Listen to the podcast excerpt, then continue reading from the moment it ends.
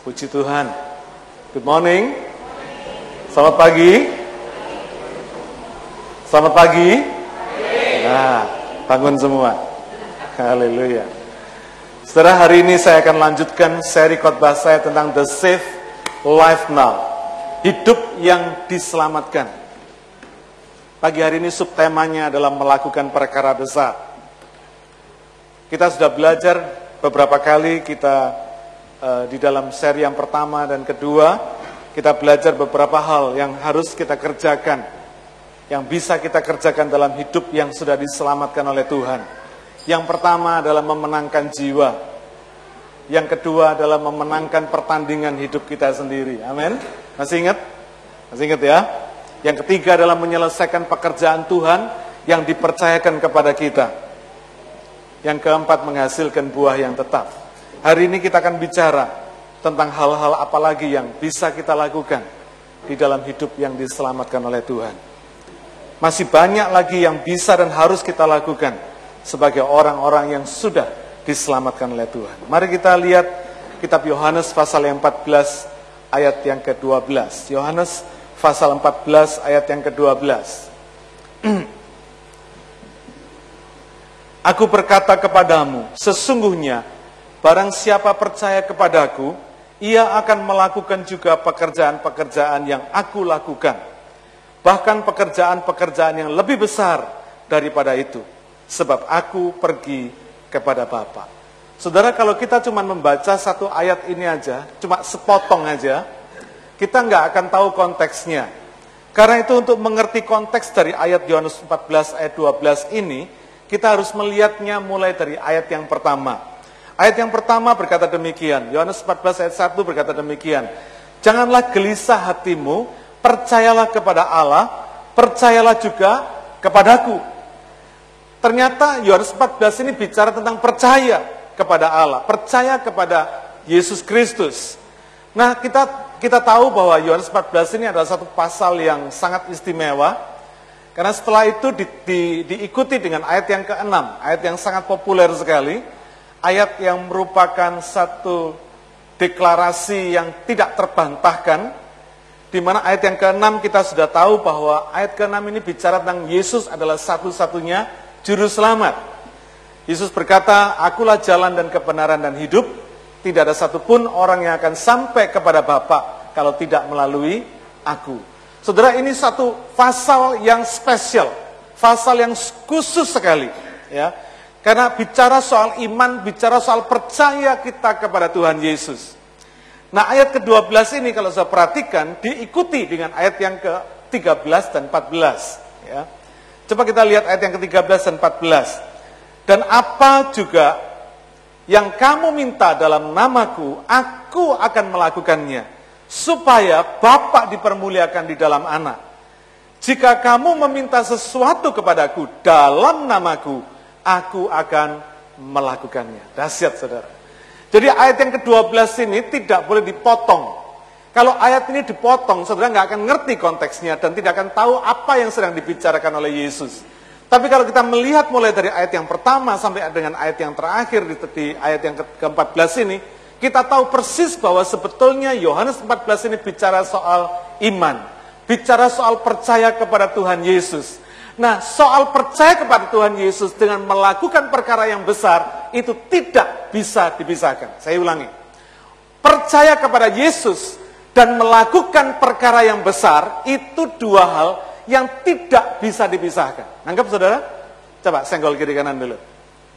Kasih tahu.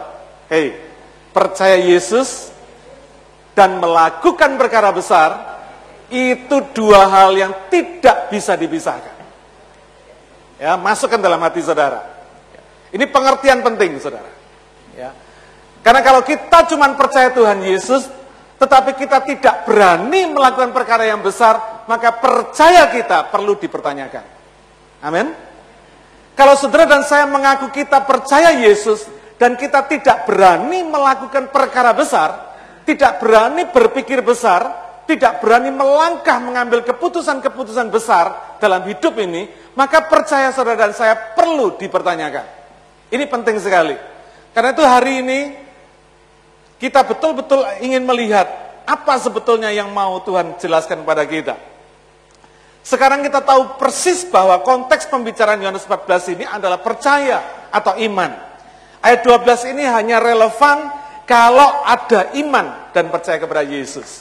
Kalau saudara hari ini masih ragu-ragu, masih so-so gitu ya saudara ya. Percayanya sama Yesus masih ya percaya ya percaya, kalau mau disuruh percaya 100% ya belum bisa gitu. Tidak berlaku ayat ini saudara. Forget it. Amin. Tapi kalau hari ini saudara berkata dan memantapkan kepada diri saudara sendiri bahwa yes, aku percaya Yesus, aku percaya sungguh-sungguh, maka akan terjadi perkara yang besar. Saudara bisa melakukan perkara yang besar dan kita harus melakukan perkara besar. Pertanyaan pertama yang mesti kita jawab, apakah kita ini percaya Yesus sungguh-sungguh? Apakah kita ini punya iman kepada Yesus sungguh-sungguh? Kalau saudara dan saya percaya dan punya iman kepada Yesus, dengan sungguh-sungguh, maka ayat 12 ini pasti terjadi. Perkara besar pasti terjadi dalam hidup saudara dan saya. Tidak akan pernah ada perkecualian. Oh kecuali ini Pak, oh kecuali kalau sakit ini, oh kecuali kalau ini itu dan sebagainya. Tidak ada saudara. Karena apa? Karena ayat 14 ini melibatkan Yesus dan melibatkan Bapak di sorga. Yesus berkata, kalau engkau lihat saya, kalau engkau lihat aku, engkau lihat Bapak di sorga. Saudara, ini penting sekali, pengertian ini penting. Karena itu sering kali Yohanes 14 ini cuma dicomot, diambil ayat yang ke-6 saja. Lupa melihat konteks keseluruhannya. Tetapi kalau kita melihat konteks keseluruhannya, kalau saudara bisa berkata Yesus adalah satu-satunya juru selamat, maka siaplah yang kau melakukan perkara besar. Bermimpilah besar, berpikirlah besar, dan bertindaklah, melangkahlah dengan perkara yang besar. Dan saudara akan mengalaminya. Ya, Hari ini saya semangat sekali saudara, karena saya mau ajarkan ini supaya jemaat CLC mengalami perkara-perkara besar. Amin. Apa pun yang sudah alami hari ini, sebesar apa pun, sesukses apa pun yang saudara alami hari ini, belum apa-apa saudara. Amin.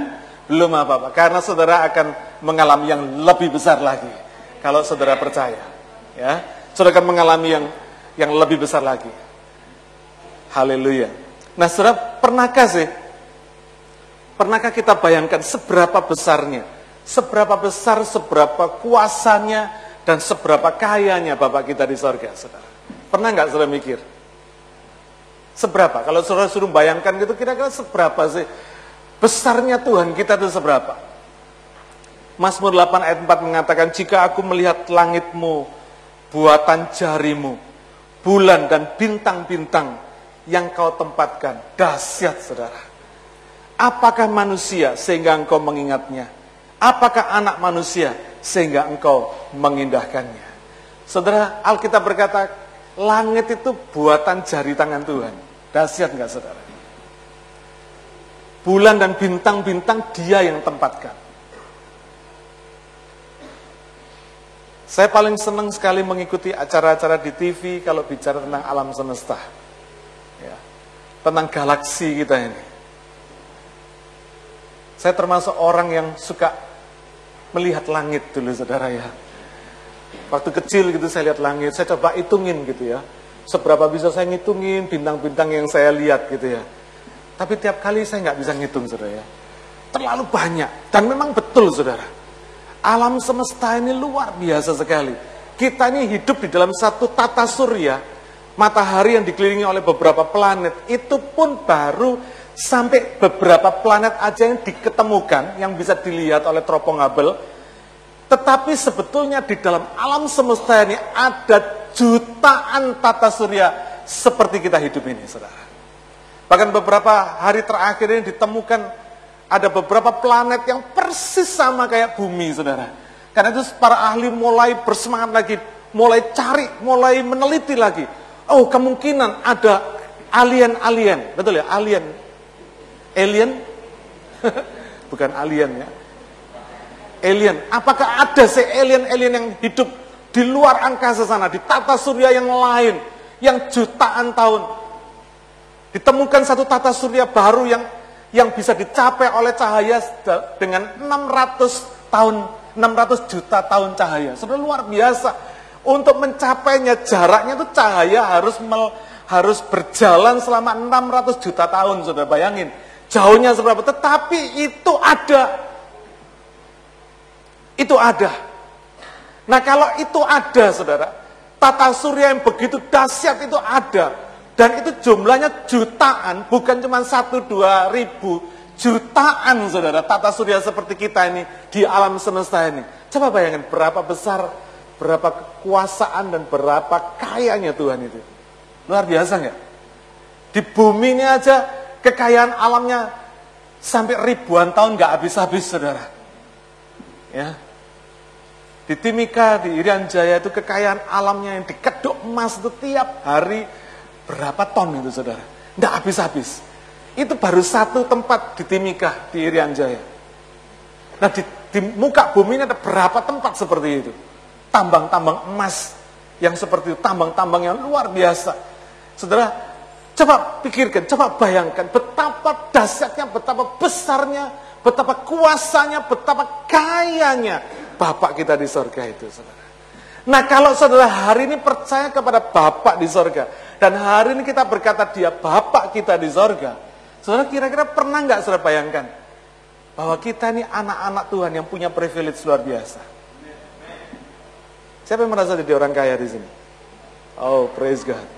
Siapa yang merasa jadi orang miskin di sini? Tidak ada ya? Haleluya. Jemaat sih tidak ada yang miskin, saudara. Semua kaya raya di hadapan Tuhan. Amin. Haleluya. Saudara percaya nggak? Kaya itu mulai dari mana? Mulai dari mana? Dari sini? Dari sini? Kaya itu mulai dari sini, saudara. Nomor satu mulai dari sini. Saudara bisa kaya dengan segala sukacita, damai, sejahtera, dan kemurahan Tuhan itu di sini. Kemudian saudara bisa mulai kaya di sini. Baru kaya di dompet saudara. Amin. Saudara, sering kali banyak orang nggak tahu prinsip ini, saudara. Betapa dahsyatnya, betapa kayanya, betapa mulianya Tuhan itu. Yesaya 66 ayat 1 berkata demikian. Beginilah firman Tuhan. Langit adalah tahtaku dan bumi adalah tumpuan kakiku. Rumah apakah yang akan kamu dirikan bagiku? Dan tempat apakah yang akan menjadi perhentianku? Dahsyat saudara. Saya pernah sharing tempo hari betapa saya pernah menghakimi Salomo. Bagi saya Salomo itu seorang yang keterlaluan. Kenapa? Karena yang dipakai untuk membangun bait Allah itu emas, produksi emas dunia selama 500 tahun itu dipakai oleh Salomo untuk membangun bait Allah. Gila nggak saudara? Saya berpikir kenapa sih? Kalau hari ini saudara ada pendeta yang membangun gereja 500 miliar, kira-kira komentar saudara apa? Pendeta gila. Coba 500 miliar dolar misalnya gitu saudara ya dibagikan ke jemaat kan kaya semua jemaat ini saudara. Betul?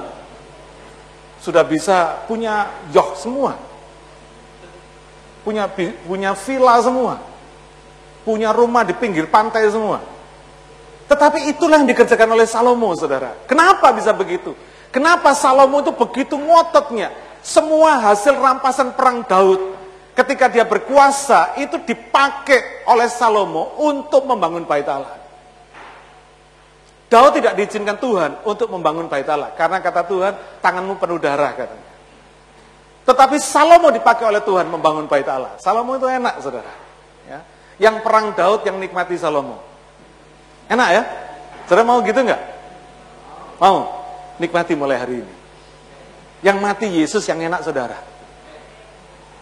Dia mati di kayu salib buat saudara dan saya. Kita nikmati. Persoalannya sekarang, Bagaimana caranya kita nikmati itu yang kita nggak tahu, saudara. Dan kalau saudara tahu, saudara tahu bahwa apa yang saudara minta dikabulkan oleh Tuhan. Ingat ayat yang ke-14 dan 13 tadi. Apa juga yang kamu minta dalam namaku, aku akan melakukannya. Supaya Bapak dipermuliakan di dalam anak. Jika kamu meminta sesuatu kepadaku dalam namaku, aku akan melakukannya. Kemarin saya sharing sama Yuli, saya ini termasuk orang yang jarang minta-minta sama Tuhan. Tapi kalau saya minta, saya punya keyakinan. Ketika istri saya di, difonis dokter liver cirrhosis, hati saya susah banget, saudara. Susah banget. Karena saya tahu antara liver cirrhosis sama kanker hati itu cuma satu rambut bedanya. Tapi saya percaya, saya berkata sama Tuhan, Bapak, kami berdoa berdua, kami nangis berdua, dan saya berkata sama Tuhan, Tuhan, aku minta di dalam nama Yesus. Dan aku percaya, karena engkau mati untuk kita semua, untuk saya dan untuk istri saya termasuk buat sakit penyakitnya. Karena itu Tuhan saya percaya, engkau sudah sembuhkan. Karena engkau berkata di atas kayu salib sudah selesai. Amin. Saya masih ingat itu saya berdoa, kira-kira bulan Januari saudara. Ketika setelah Mena mengalami proses blood test beberapa, beberapa kali, USG beberapa kali, CT scan beberapa kali, dan hasilnya semua sirosis. Dan dokter berkata cuma ada mujizat. Kalau ada mujizat kamu bisa sembuh. Kalau tidak ada mujizat, finish.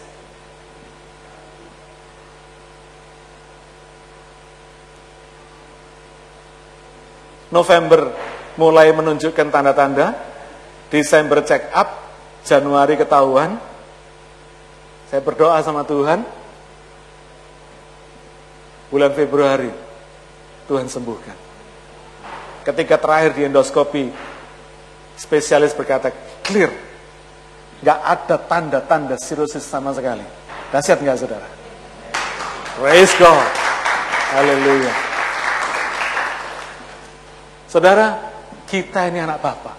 Coba ngomong kiri kanan. Kita ini anak Bapak. Ya, masukkan dalam hati pikiran saudara. Kita ini anak Bapak. Jadi kalau saudara punya persoalan, persoalanmu adalah persoalan Bapak. Amin. Kesulitanmu adalah kesulitan Bapak. Saudara, mari kita ini jadi seperti anak kecil betul-betul loh saudara. Kalau kita ini jadi anak kecil betul-betul, kita ini nikmati betul apa yang Bapak sudah sediakan. Dulu anak saudara waktu masih kecil, saudara belikan mainan, waktu rusak kan datang pada saudara kan, apa rusak gitu saudara ya. Terus apa yang saudara lakukan? Marah-marah enggak? Enggak kan? Saudara bilang kata, ah sini sini sini, kasih papa. Saudara coba betulkan, enggak bisa betulkan, belikan baru. Beres ya? Betul enggak? Itu yang saudara lakukan. Nah kita ini enggak bisa mikir kayak anak kecil seperti itu saudara. Kalau saudara bisa mikir seperti itu, seperti anak kecil ini, dan saudara melakukan itu kepada Bapak, dahsyat hidup saudara. Amin. Liver cirrhosis itu biarpun saudara pikirin sampai sampai rambut saudara botak pun nggak ada jawabannya. Karena obatnya nggak ada. Mau apa? Liver sudah mengeras. Dan sel liver tidak bisa diganti, saudara. Tidak bisa ganti. Sel liver sama sel otak itu nggak bisa diganti. Kalau udah rusak ya rusak, saudara. Makanya saudara, sel otak itu penting dipakai. Ya, otak kita penting dipakai. Supaya apa? Supaya nggak rusak, supaya nggak meluruhkan diri. Sel liver juga begitu. Saudara mesti jaga makanan. Supaya liver kita itu tidak kerja dengan keras. Kalau dia rusak, udah nggak bisa ganti, saudara. Ya. Tuhan itu begitu luar biasa. Ya. Berarti kalau kita bicara soal iman, kalau mau didefinisikan soal iman, Ibrani 11 ayat 1 terkenal sekali definisinya. Tapi hari ini saya mau mengajak saudara untuk melihat definisi iman yang sederhana. Iman adalah kemampuan percaya kemampuan percaya kepada Tuhan sebagaimana dia ada. Simpel ya saudara ya. Iman itu kemampuan saudara percaya kepada Tuhan sebagaimana adanya Tuhan. Bukan sebagai apa yang kita pikirkan tentang Tuhan. Beda kan saudara? Saudara bisa memikirkan tentang Tuhan, tetapi Tuhan belum tentu seperti pikiran saudara. Tetapi iman adalah kemampuan kita percaya kepada Tuhan sesuai dengan apa adanya dia. Yaitu sesuai dengan apa yang Alkitab katakan. Simpelnya begitu saudara. Karena itu bagi saudara yang malas baca Alkitab, saudara tidak akan pernah bisa mengenal Tuhan sebagaimana adanya dia. Hanya orang yang suka baca Alkitab, hanya orang yang mau baca Alkitab, hanya orang yang mau merenungkan firman Tuhan, itu yang bisa mengerti dan bisa mengenal apa adanya Tuhan. Itu yang baru bisa punya iman sebagaimana apa adanya Tuhan. Mungkin orang itu sederhana, Mungkin orang itu tidak lulusan uh, university, mungkin nggak nggak harus S2, S3 atau S lilin. Tapi orang itu mau mengenal Tuhan dan mau percaya kepada Tuhan, apa adanya Tuhan. Kira-kira dia akan mengalami perkara besar nggak? Yes.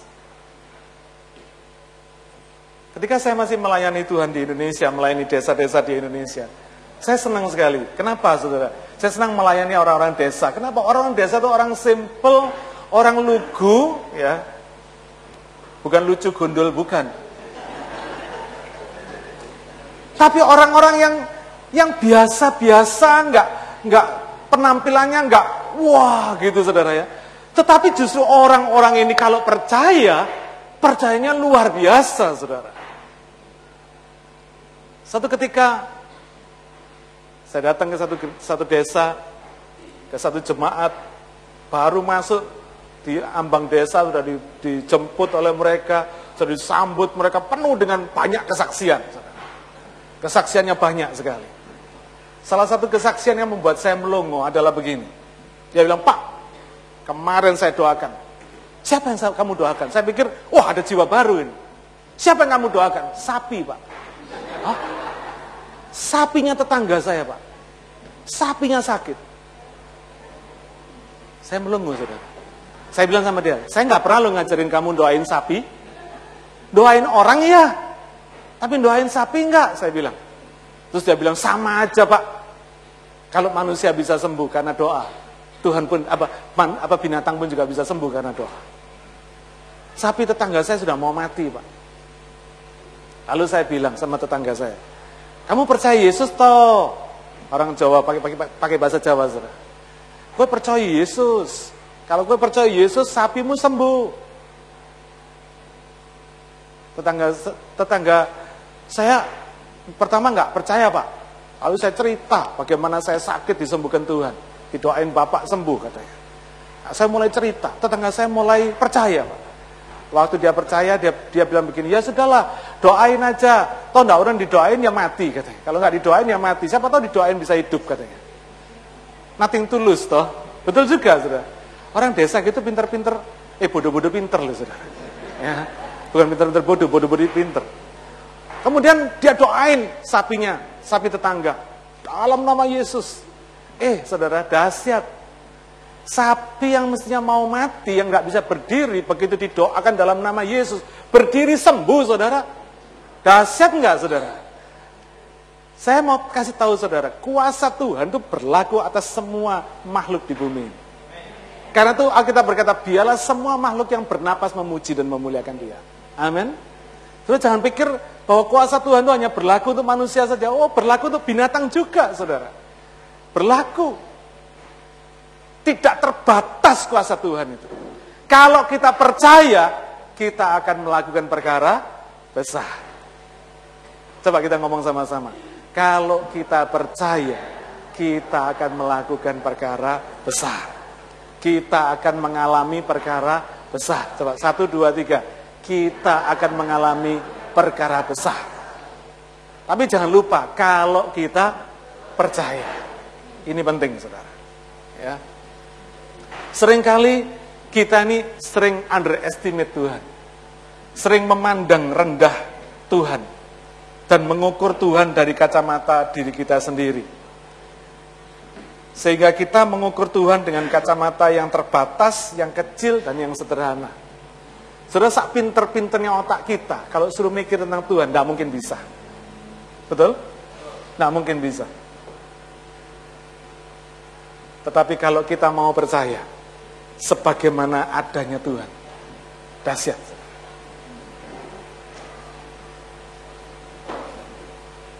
Kalau kita cuma melihat Tuhan dari batas kacamata kita, maka Tuhan juga akan kelihatan terbatas, kecil, dan sederhana banget. Betul? Kalau saudara punya teropong, keker, ya, apa yang bisa saudara lihat? Saudara keker cuma bisa lihat dari seluas lubang keker saudara, betul? Sejauh mata saudara bisa memandang, tapi terbatas cuma sebesar lubang keker itu aja. Padahal apa yang sesungguhnya terjadi bukan cuma sebesar lubang kekernya. luas sekali. Tetapi kalau kita pandang dari keker kita, dari kacamata kita, cuma sekecil itu yang bisa kita lihat. Demikian juga kalau kita pandang Tuhan dari kacamata kita, hanya cuma terbatas sebesar otak kita. Yang bisa kita mikir sebatas pada perasaan kita yang bisa kita rasakan. Tapi kalau kita izinkan Tuhan bekerja dengan leluasa, dengan sepenuhnya, dengan dahsyat dalam hidup kita, kita akan melihat perkara-perkara yang tidak pernah kelihatan oleh mata. 1 Korintus 2 ayat 9 berkata apa? Apa yang tidak pernah kelihatan oleh mata, apa yang tidak pernah kedengaran oleh telinga, apa yang tidak pernah terbit dalam hati manusia, semuanya disediakan oleh Allah bagi orang yang mengasihi dia. Haleluya. Satu Tawarikh 29 ayat 11 dan 12 berkata demikian. Ya Tuhan, punya mula kebesaran dan kejayaan, kehormatan, kemasyuran dan keagungan. Ya segala-galanya yang ada di langit dan di bumi. Ya Tuhan, punya mula kerajaan dan engkau yang tertinggi itu melebihi segala-galanya sebagai kepala. Sebab kekayaan dan kemuliaan berasal daripadamu. Dan engkaulah yang berkuasa atas segala-galanya. Dalam tanganmu lah kekuatan dan kejayaan. Dalam tanganmu lah kuasa membesarkan dan mengokohkan segala-galanya. Di bagian lain Alkitab mengatakan, di tangan kanan Tuhan ada emas, tangan kirinya ada perak. Saudara, luar biasa Tuhan itu kalau kita lihat sebagaimana adanya Tuhan, saudara akan kagum. Kok bisa ya? Kita ini diberi kesempatan percaya kepada Tuhan dan menyebut dia Bapak. Pernah nggak saudara berpikir begitu? Coba kalau ada anak kecil di, di dalam di jalanan itu, terus datang sama saudara, terus manggil saudara, Papa, Mama. Saudara bilang apa? Gila lu ya? Ya, betul nggak saudara? Mau saudara dipanggil sama anak di jalanan yang nggak kenal? Halo papa, halo mama, mau saudara? Diaku anak yang saudara nggak kenal, saudara diaku papa, diaku mama, nggak akan mau kita saudara, betul?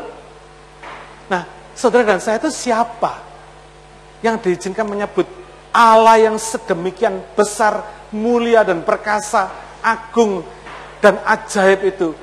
Boleh kita sebut Bapak, saudara. Bayangin, kita yang masih suka malas kalau baca Alkitab, malas kalau suruh doa, malas kalau suruh ke gereja, masih kadang nggak mau bayar perpuluhan, boleh nyebut Bapak di sorga itu Bapak. Boleh nyebut Allah yang menciptakan langit buatan jarinya dan menempatkan bulan dan bintang tadi itu, kita boleh sebut dia Bapak. Siapa kita ini saudara?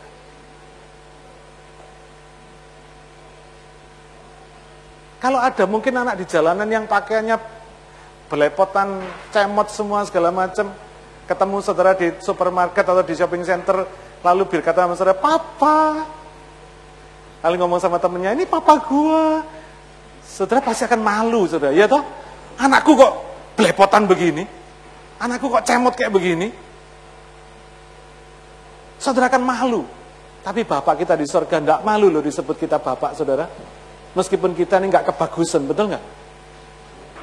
Kita ini masih tukang bohong kadang-kadang, betul nggak? Meskipun kita pakai alasan itu kan bohong putih, Pak. Bohong dikit-dikit nggak apa-apa lah, Pak. Saudara, kita masih tukang bohong, Tuhan masih mau disebut Bapak. Siapa kita, saudara? Coba bayangin.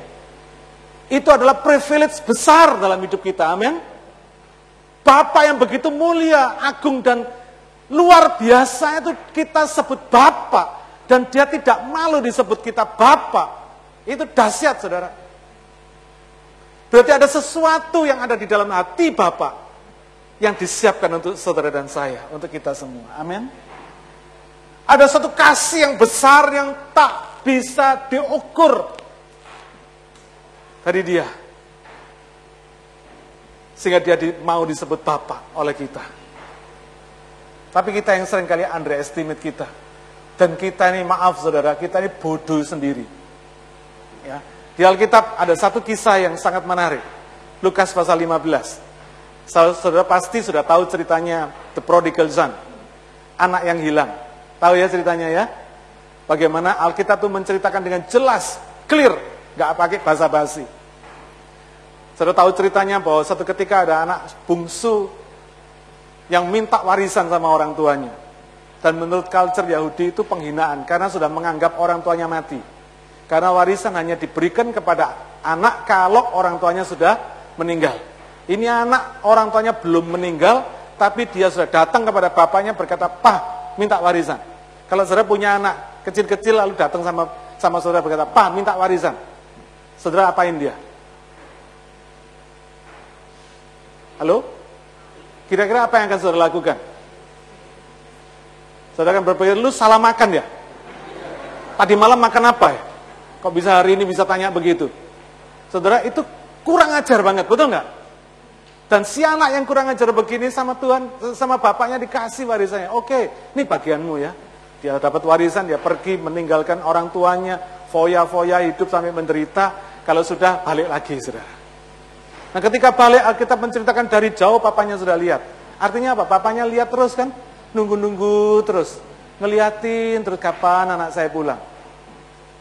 Saudara, hati bapak itu seperti itu. Karena itu saudara jangan pernah lupa untuk menghargai orang tua saudara. Kadang-kadang anak kalau pergi lupa orang tua. Saudara, kalau saudara pergi, anak itu pergi, saudara telepon sama orang tua, dikasih tahu, Pak, saya ada di sini, mas, saya ada di sini. Lega hati orang tua itu, saudara. Saudara pulang nggak usah bawa oleh-oleh, tapi orang tua sudah seneng, saudara. Kenapa? Hatinya itu cinta sama saudara. Bukan cinta sama oleh-oleh saudara. Ya, kalau ada orang tua yang cinta oleh-olehnya, itu orang tua kebangetan. Ya. Tapi normalnya orang tua itu cinta sama anaknya, bukan cinta sama duit anaknya. Jadi anaknya itu menghargai, mengasihi, memperhatikan, mengingat orang tua itu sudah happy, saudara. Seneng banget. Nah, papa ini ngelihat anaknya dari jauh. Begitu dia lihat dari jauh, dia sambut anaknya. Ketika ketemu papanya, anaknya berkata, Pak, aku ini nggak pantas disebut anak bapak. Jadikan aku hambamu aja. Jadikan aku pegawaimu, budakmu aja. Karena aku nggak pantas disebut anak bapak. Aku sudah berdosa kepada Tuhan dan berdosa kepada bapak. Lalu bapaknya berkata, berkata apa saudara? oh iya memang lu pantas menjadi anak anak apa jadi budak gua gitu. Enggak, Saudara. Papanya berkata, enggak, enggak, enggak, enggak. Dirangkul. Alkitab mencatat papa ini merangkul anaknya, menciumi dia. Lalu dia panggil budaknya. Sini, sini, sini. Ambilkan jubah yang terbaik. Dia kasih cincinnya kepada anak ini. Dia bilang, ambil sepatu yang terbaik, jubah yang terbaik, kasihkan dia. Saudara, jubah bicara tentang apa? Tentang penerimaan kembali tentang acceptance. Seperti anak ini tidak pernah melakukan kesalahan apa pun. Dikasih jubah yang terbaik, dikasih sepatu yang terbaik, dikasih cincin yang terbaik. Artinya apa? Haknya dipulihkan. Haknya sebagai anak dipulihkan. Bukan sebagai budak, bukan sebagai hamba, tapi sebagai anak. Kemudian papanya berkata kepada hambanya, kamu sembelih anak lembu tambun, anak lembu yang paling gendut anak sapi yang paling gemuk. Kita bikin pesta karena anakku yang hilang sudah kembali, sudah aku temukan. Saudara, luar biasa, itulah hati Bapak. Saya percaya Lukas 15 ini bicara tentang hati Bapak. Amin. Dan yang menarik, Saudara, anak sulungnya. Ketika anak sulungnya pulang dari ladang, dia lihat, loh kok ada rame-rame. Kok ada pesta, ini apa ini? Lalu dia tanya sama pembantunya, pembantunya bilang, oh papamu lagi pesta, anak adikmu yang su, yang bungsu udah kembali. Kalau saudara punya saudara yang hilang itu balik, saudara suka nggak? Seneng nggak? Seneng mestinya ya. Tapi dikatakan Alkitab anak sulung ini malah marah saudara. Seperti yang saya sering katakan kan, manusia itu senang kalau lihat orang susah, susah kalau lihat orang seneng. Iya kan? Ternyata anak sulung ini marah. Marah sekali sampai bapaknya mengejar keluar dan bicara sama dia. Lalu dia komplain sama bapaknya. Adikku yang bungsu seperti itu, yang sudah jahat dan kurang ajar sama papa seperti itu. Sudah minta warisan dan menghamburkan, menghabiskan warisannya seperti itu. Pulang masih papa pestakan. Anak lembut tambun dipotong buat pesta dia sama teman-temannya. Aku yang kerja sama bapak, yang tiap hari kerja sama bapak, yang taat sama bapak, tidak pernah melanggar perintah Bapak. Anak kambing aja Bapak nggak pernah kasih sama aku. buat aku pesta sama teman-temanku. Coba bayangin ya, dia bandingin adiknya yang kurang ajar tadi itu dipotongkan anak lembu tambun, anak sapi. Lalu dia bandingkan dirinya sendiri dengan apa? Anak kambing, saudara. Anak kambing aja bapak nggak pernah kasih. Lalu jawaban bapak ini menarik. Nah, nak katanya. Kamu tuh tiap hari sama-sama aku, tinggal sama-sama aku, hidup sama-sama aku. Berarti apa yang aku punya, engkau punya. Betul nggak saudara? Kira-kira bodohnya siapa ini? Anak sulung toh? Dia yang hidup bersama bapak, tinggal bersama bapak, lalu dia berkata, anak kambing aja saya nggak pernah dikasih. Lo buat apa dikasih? Kalau anak sulung ini pinter, dia nggak akan minta. Betul nggak saudara? Pernah nggak anak saudara kalau mau minum terus berkata gini, wahai bapakku yang terhormat, izinkanlah aku minum ya pak. Kira-kira anak, kalau ada anak saudara seperti itu, saudara bawa ke psikiater ini. Ada yang konslet di sini. Betul nggak saudara? Ya. Saudara inilah kita. Kalau hari ini kita bisa mentertawakan anak sulung ini, mestinya kita mempertawakan diri kita sendiri. Kadang-kadang kita sama Tuhan itu seperti itu. Sikap kita, attitude kita ini seperti itu, saudara. Kita berkata apa? Tuhan, Tuhan. Aku berdoa, kenapa nggak dikabul-kabulkan Tuhan? Aku sudah minta, kenapa nggak dikabul-kabulkan Tuhan? Kenapa?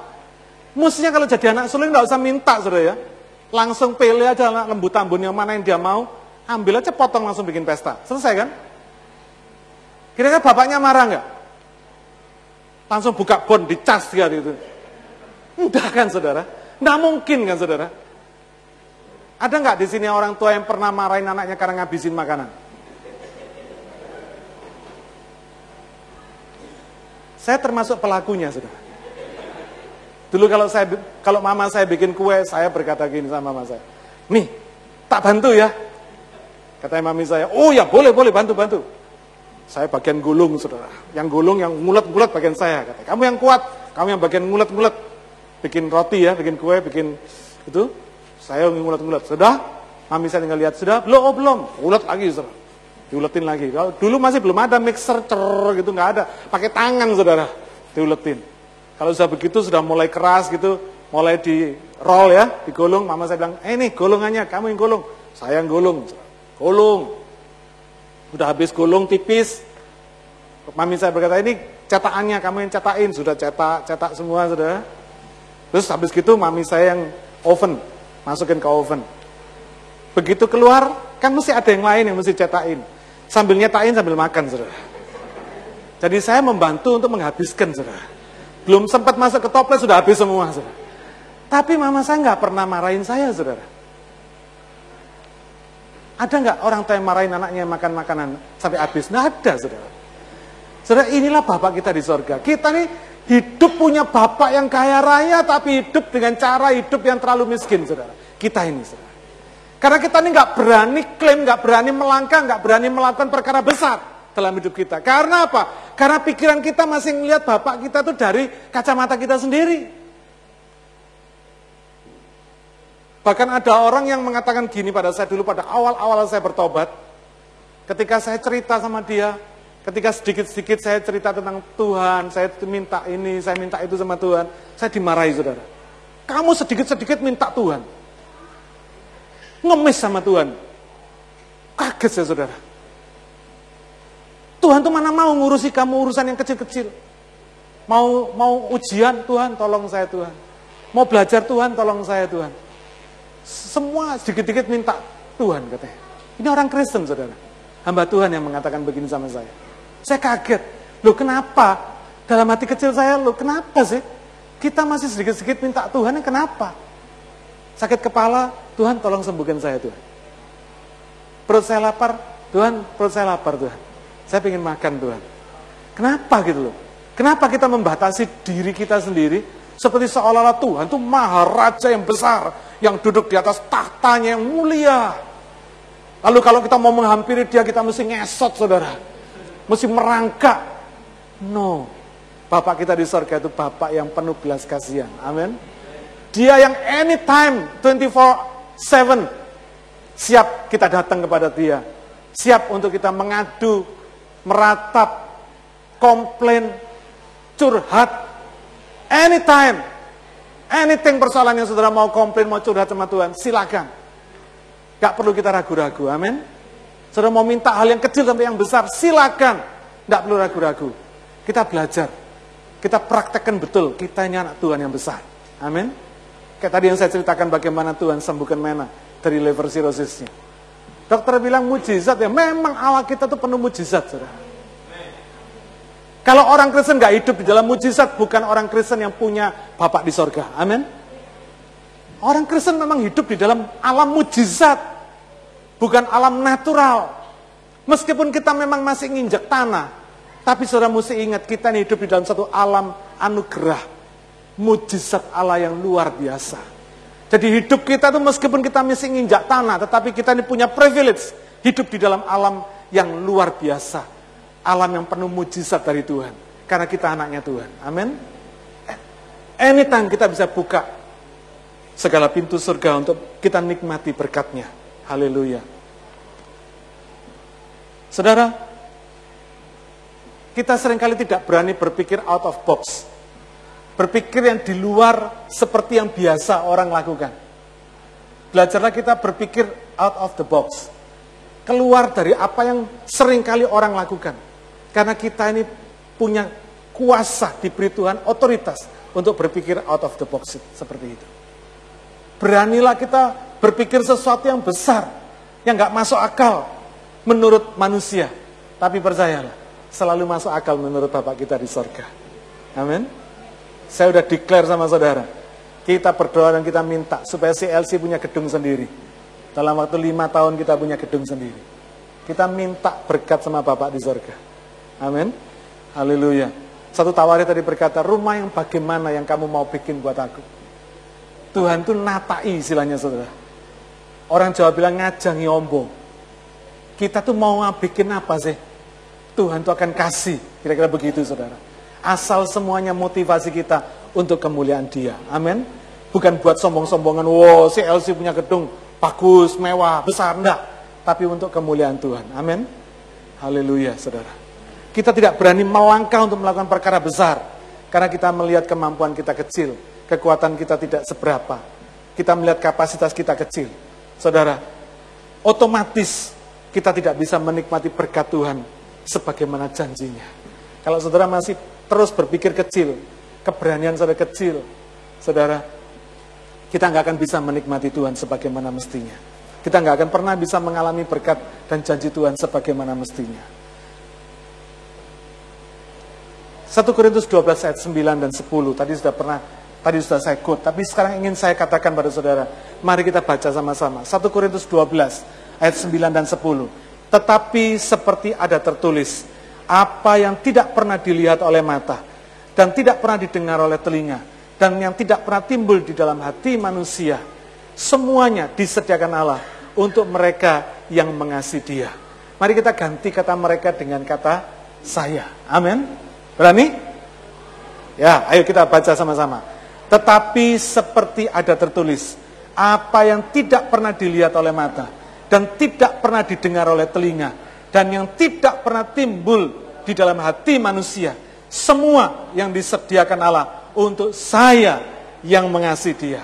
Karena kepada saya Allah telah menyatakannya oleh roh kudus, sebab roh menyelidiki segala sesuatu, bahkan hal-hal yang tersembunyi dalam diri Allah. Amin. Saya mau jelaskan ini. Ayat 10 ini sering kali orang nggak ngerti maksudnya. Tapi saya mau jelaskan. Saudara, untuk orang yang percaya kepada Yesus itu diberikan roh kudus, betul? Yesus berkata, aku naik, roh kudus turun. Ya, terlebih baik, aku naik ke surga, supaya roh kudus turun. Roh kudus diberikan di dalam hidup saudara dan saya. Tinggal bersama saudara dan saya. Berarti saudara dan saya punya roh kudus, betul? Roh kudus itu merupakan satu garansi, satu garansi, satu jaminan. Amin. Saya mau tanya, roh kudus ada di mana? Di mana? Di sini? Di sini? Di sini? Di mana saudara? Di dalam hidup saudara, betul nggak? Roh Kudus ada di dalam hidup saudara. Berarti itu garansi di dalam hidup kita. Kita ini punya garansi. Nah sekarang saya mau ajak saudara untuk melihat satu satu ilustrasi, satu kesaksian. Beberapa tahun ketika saya sebelum saya pindah ke Australia, saya bersama anak-anak, bersama istri saya pergi kita liburan ke Bali. Biasanya waktu saya liburan adalah waktu waktu apa hari libur juga. Pas waktu itu kalau nggak selebaran atau atau akhir tahun atau Natal atau tahun baru, pokoknya itu antrian panjang sekali di Gilimano itu saudara ya. Sampai 3 km. Nah saya ingat waktu itu anak saya masih kecil. Saya berkata, wah ada sopir yang saya tanya, Pak berapa lama Bapak sudah ngantri? Mulai kemarin Pak katanya.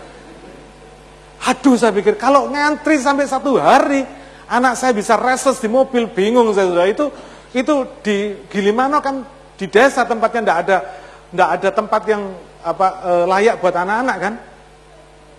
Wah, Waduh saya mikir, wah terpaksa saya harus gunakan kartu Garuda saya. Saya keluarkan kartu Garuda, saya tunjukkan ke polisi yang ada di situ, saya tunjukkan kartu ini, saya bilang tolong saya dikasih nomor telepon Kapolresmu. Lalu dia kasih nomor teleponnya, saya telepon Kapolresnya. Begitu dia tahu, begitu saya sebutkan kartu Garudanya, dia jemput saya saudara. Luar biasa enggak? Dia jemput saya, kita waktu itu masih, kita naik bis, satu rombongan saudara. Dia naik ke atas bisnya, dia ketemu saya, dia hormat, siapa? Katanya dia naik Kapolres saudara. Kapolresnya Banyuwangi. Naik di atas bis, dia langsung nyelonong ke depan. Orang-orang lihat, siapa ini? Kapolresnya sendiri ada di atas bis saudara. Sampai ferry di muka di stop.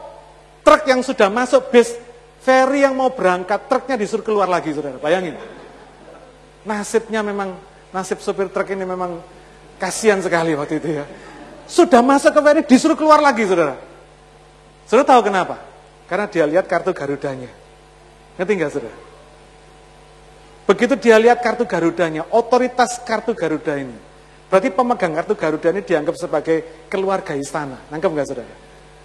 Sehingga otoritasnya istana harus diperlakukan di situ.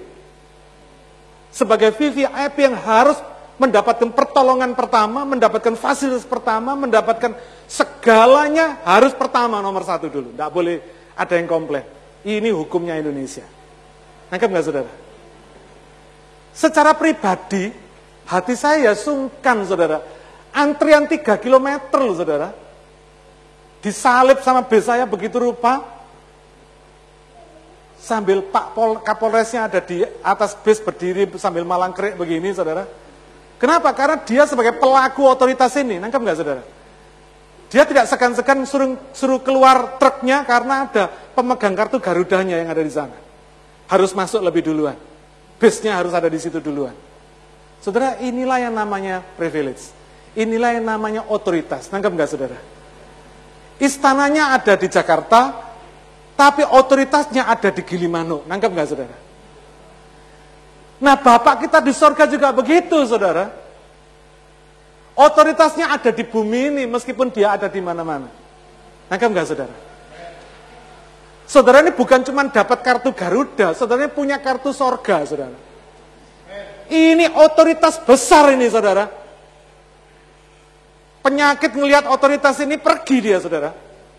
Setan ngelihat otoritas ini nggak berani dekat sama saudara, betul?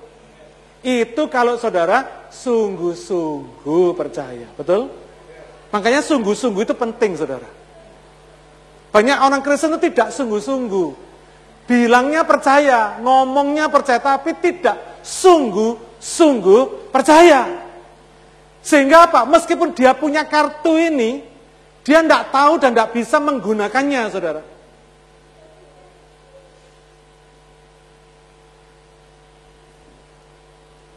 Ketika saya pertama kali datang ke Australia, saya sudah pernah cerita sama saudara bagaimana saya di sini dibawa Tuhan sampai di sini karena saya disponsori oleh satu company di Australia sebagai profesional. Sampai di sini singkat cerita sebagai profesional uh, yang mestinya saya ngerjain proyek, proyeknya batal. Saya sudah kadung ke sini dengan istri satu, anak empat. Anak saya sudah terlanjur masuk ke sekolah private sudah rental rumah yang besar yang harganya 480 dolar per minggu.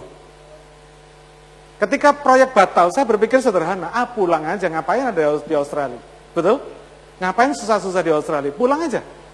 Di Indonesia masih ada rumah, masih ada kerjaan, masih ada pelayanan, ngapain mesti repot di sini? Tapi Tuhan berkata apa? No, no. Kamu nggak boleh pulang. Kamu tinggal di sini. Kamu stay di sini. Aku akan mengajar kamu hidup oleh iman.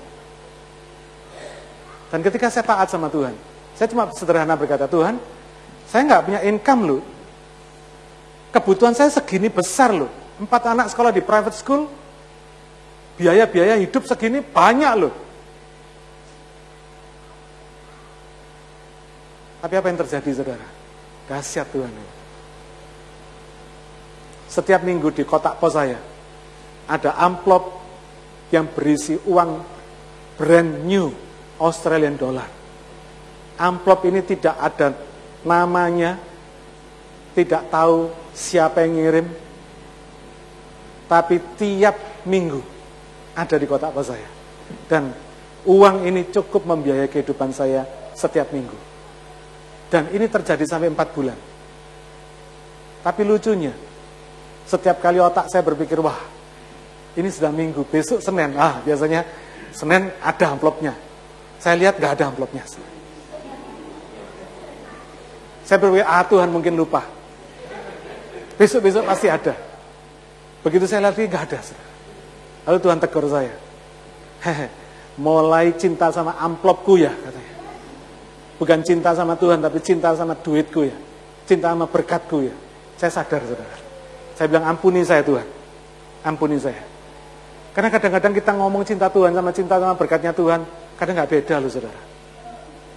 Cuma serambut tipisnya. Tapi kalau kita mau jujur, kita bisa berkata, ya Tuhan, aku cinta berkatmu Tuhan. Bukan cinta Tuhan. Dan saya berkata sama Tuhan, Tuhan mulai hari ini aku janji. Aku tidak mau mengingat amplop itu lagi. Ada nggak ada terserah. Tapi yang penting aku mau cinta Tuhan. Amin. Dan betul saudara, sampai empat bulan. Empat bulan saya di, kami sekeluarga dipelihara Tuhan. Dengan dahsyat. Luar biasa nggak? Sampai hari ini itu jadi misteri dalam hidup saudara. Dalam hidup saya. Saya nggak tahu siapa yang kirim. Karena nggak ada namanya. Pokoknya ada tiap minggu di situ. Pokoknya cukup buat biaya hidup kami sekeluarga. Allah itu dahsyat, saudara. Satu hari saya kepingin makan bakso. Maklum ya, orang Indonesia. Saya ingin makan bakso. Saya mengingat kembali bakso Indonesia yang enak, saudara. Waktu tahun 98, 99 itu di sini masih belum ada yang jual bakso ready itu belum ada saudara. Saya mikir, waduh kalau bisa dapat makan bakso pas waktu itu dingin-dingin kan enak ya. Saya ingat wah blender blender saya nggak dibawa, tinggal di Indonesia.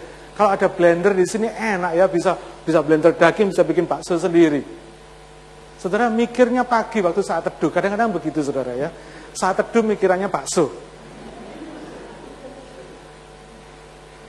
Baru mikir pagi, saudara. Siang jam satu siang orang udah ting tong. Buka pintu, Pak, katanya. Saya punya blender nih, Pak. Masih bagus, enggak pernah saya pakai. Ambilin aja. Bayangin, saudara. Dahsyat enggak Bapak di sorga? Dahsyat, saudara. Kalau urusan bakso aja diperhatikan Tuhan seperti itu, apalagi masa depan saudara. Apalagi pekerjaan saudara. Apalagi anak-anak saudara. Apalagi keluarga rumah tangga saudara. Amin. Dahsyat. Karena itu biarlah kita ini jadi anak, betul-betul anak, saudara. Bukan cuma sebutannya aja anak. Tapi betul-betul anak yang percaya dan mengasihi Bapak di sorga. Amin. Mari hari ini kalau kita punya hati masih separuh-separuh, masih so-so sama Tuhan begitu. Mari hari ini kita rekomitmen lagi. Mari hari ini kita berkata, Tuhan aku mau mengasihi engkau sungguh-sungguh. Amin. Kita mau mengatakan sama Tuhan, Tuhan aku mau sungguh-sungguh. Aku nggak mau banyak alasan. Kita ini terlalu banyak excuse-nya sama Tuhan. Ya, Dingin, dingin Tuhan, males ke gereja. Kalau dingin ngomong dingin, kalau panas ngomong panas Tuhan, nah enak. Di CLC tidak ada AC-nya. Macem-macem alasan kita saudara. Ya. Repot dikit, aduh repotnya, aduh sibuknya, dia exaggerated seolah-olah menjadi satu alasan untuk meninggalkan kebaktian. Itu kan? Kita ini sering kali punya kebiasaan gitu. Lah yang begini nih loh saudara, apa bisa saya disebut percaya? Bisa nggak disebut percaya? Enggak. Saya mau katakan dengan jujur sama saudara. Yang begini tidak bisa disebut percaya.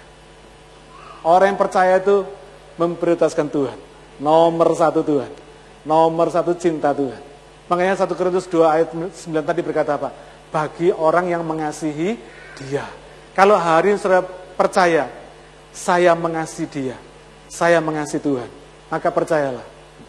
Apa yang besar saudara akan terima? Apa yang hari ini saudara masih masih ragu-ragu? Apa yang hari ini saudara masih berkata, ah nggak mungkin. Yang nggak mungkin itu akan jadi dalam hidup saudara. Akan jadi. Karena kita anak Bapa di sorga. Amin. Haleluya. Ingat saudara, Bapak kita itu menyediakan apa yang kita perlukan dari hal yang kecil sampai hal yang besar. Amin. Hari ini saya nggak akan perpanjang lagi khotbah saya. Tapi saya rindu supaya ini masuk dalam hati pikiran saudara. Kalau hari ini saudara masih punya pergumulan, yang menurut saudara hari ini tidak mungkin, kasih tahu persoalan saudara. Ngomong sama persoalan saudara. Hei, engkau terlalu kecil bagi Bapakku yang di sorga. Engkau memang besar buat saya. Tapi bagi Bapak di sorga kecil, saudara. Persoalanmu kecil. Sakitmu kecil, urusanmu kecil. Amin. Karena Bapak kita besar. Haleluya. Haleluya. Apa pun persoalan saudara, persoalan rumah tangga, persoalan pekerjaan, saudara mungkin merasa khawatir, nanti aku ini bakalnya kerja apa ya? Nanti kalau kena PHK gimana ya? Don't worry. Amin. Bapak kita besar di surga. Karena itu hari ini yang bagian kita yang penting nomor satu apa? Percaya. Sungguh-sungguh percaya. Tempatkan dia menjadi prioritas hidup saudara. Otomatis, otomatis saya mau katakan saudara. Kalau saudara tempatkan dia jadi prioritas saudara, dia akan tempatkan saudara jadi prioritasnya dia. Air mata kita disebut Alkitab ditaruh dalam kirbatnya. Nama kita tertulis di telapak tangannya. Karena itu persoalan saudara ada di telapak tangannya juga. Amin. Hari ini mantapkan hati saudara. Jangan pernah ada yang ragu. Jangan pernah ada excuse lagi sama Tuhan. Amin. Mari nikmati kita sebagai anak-anak Bapak di sorga. Lakukan perkara besar. Alami perkara besar. Haleluya. Mari kita berdoa.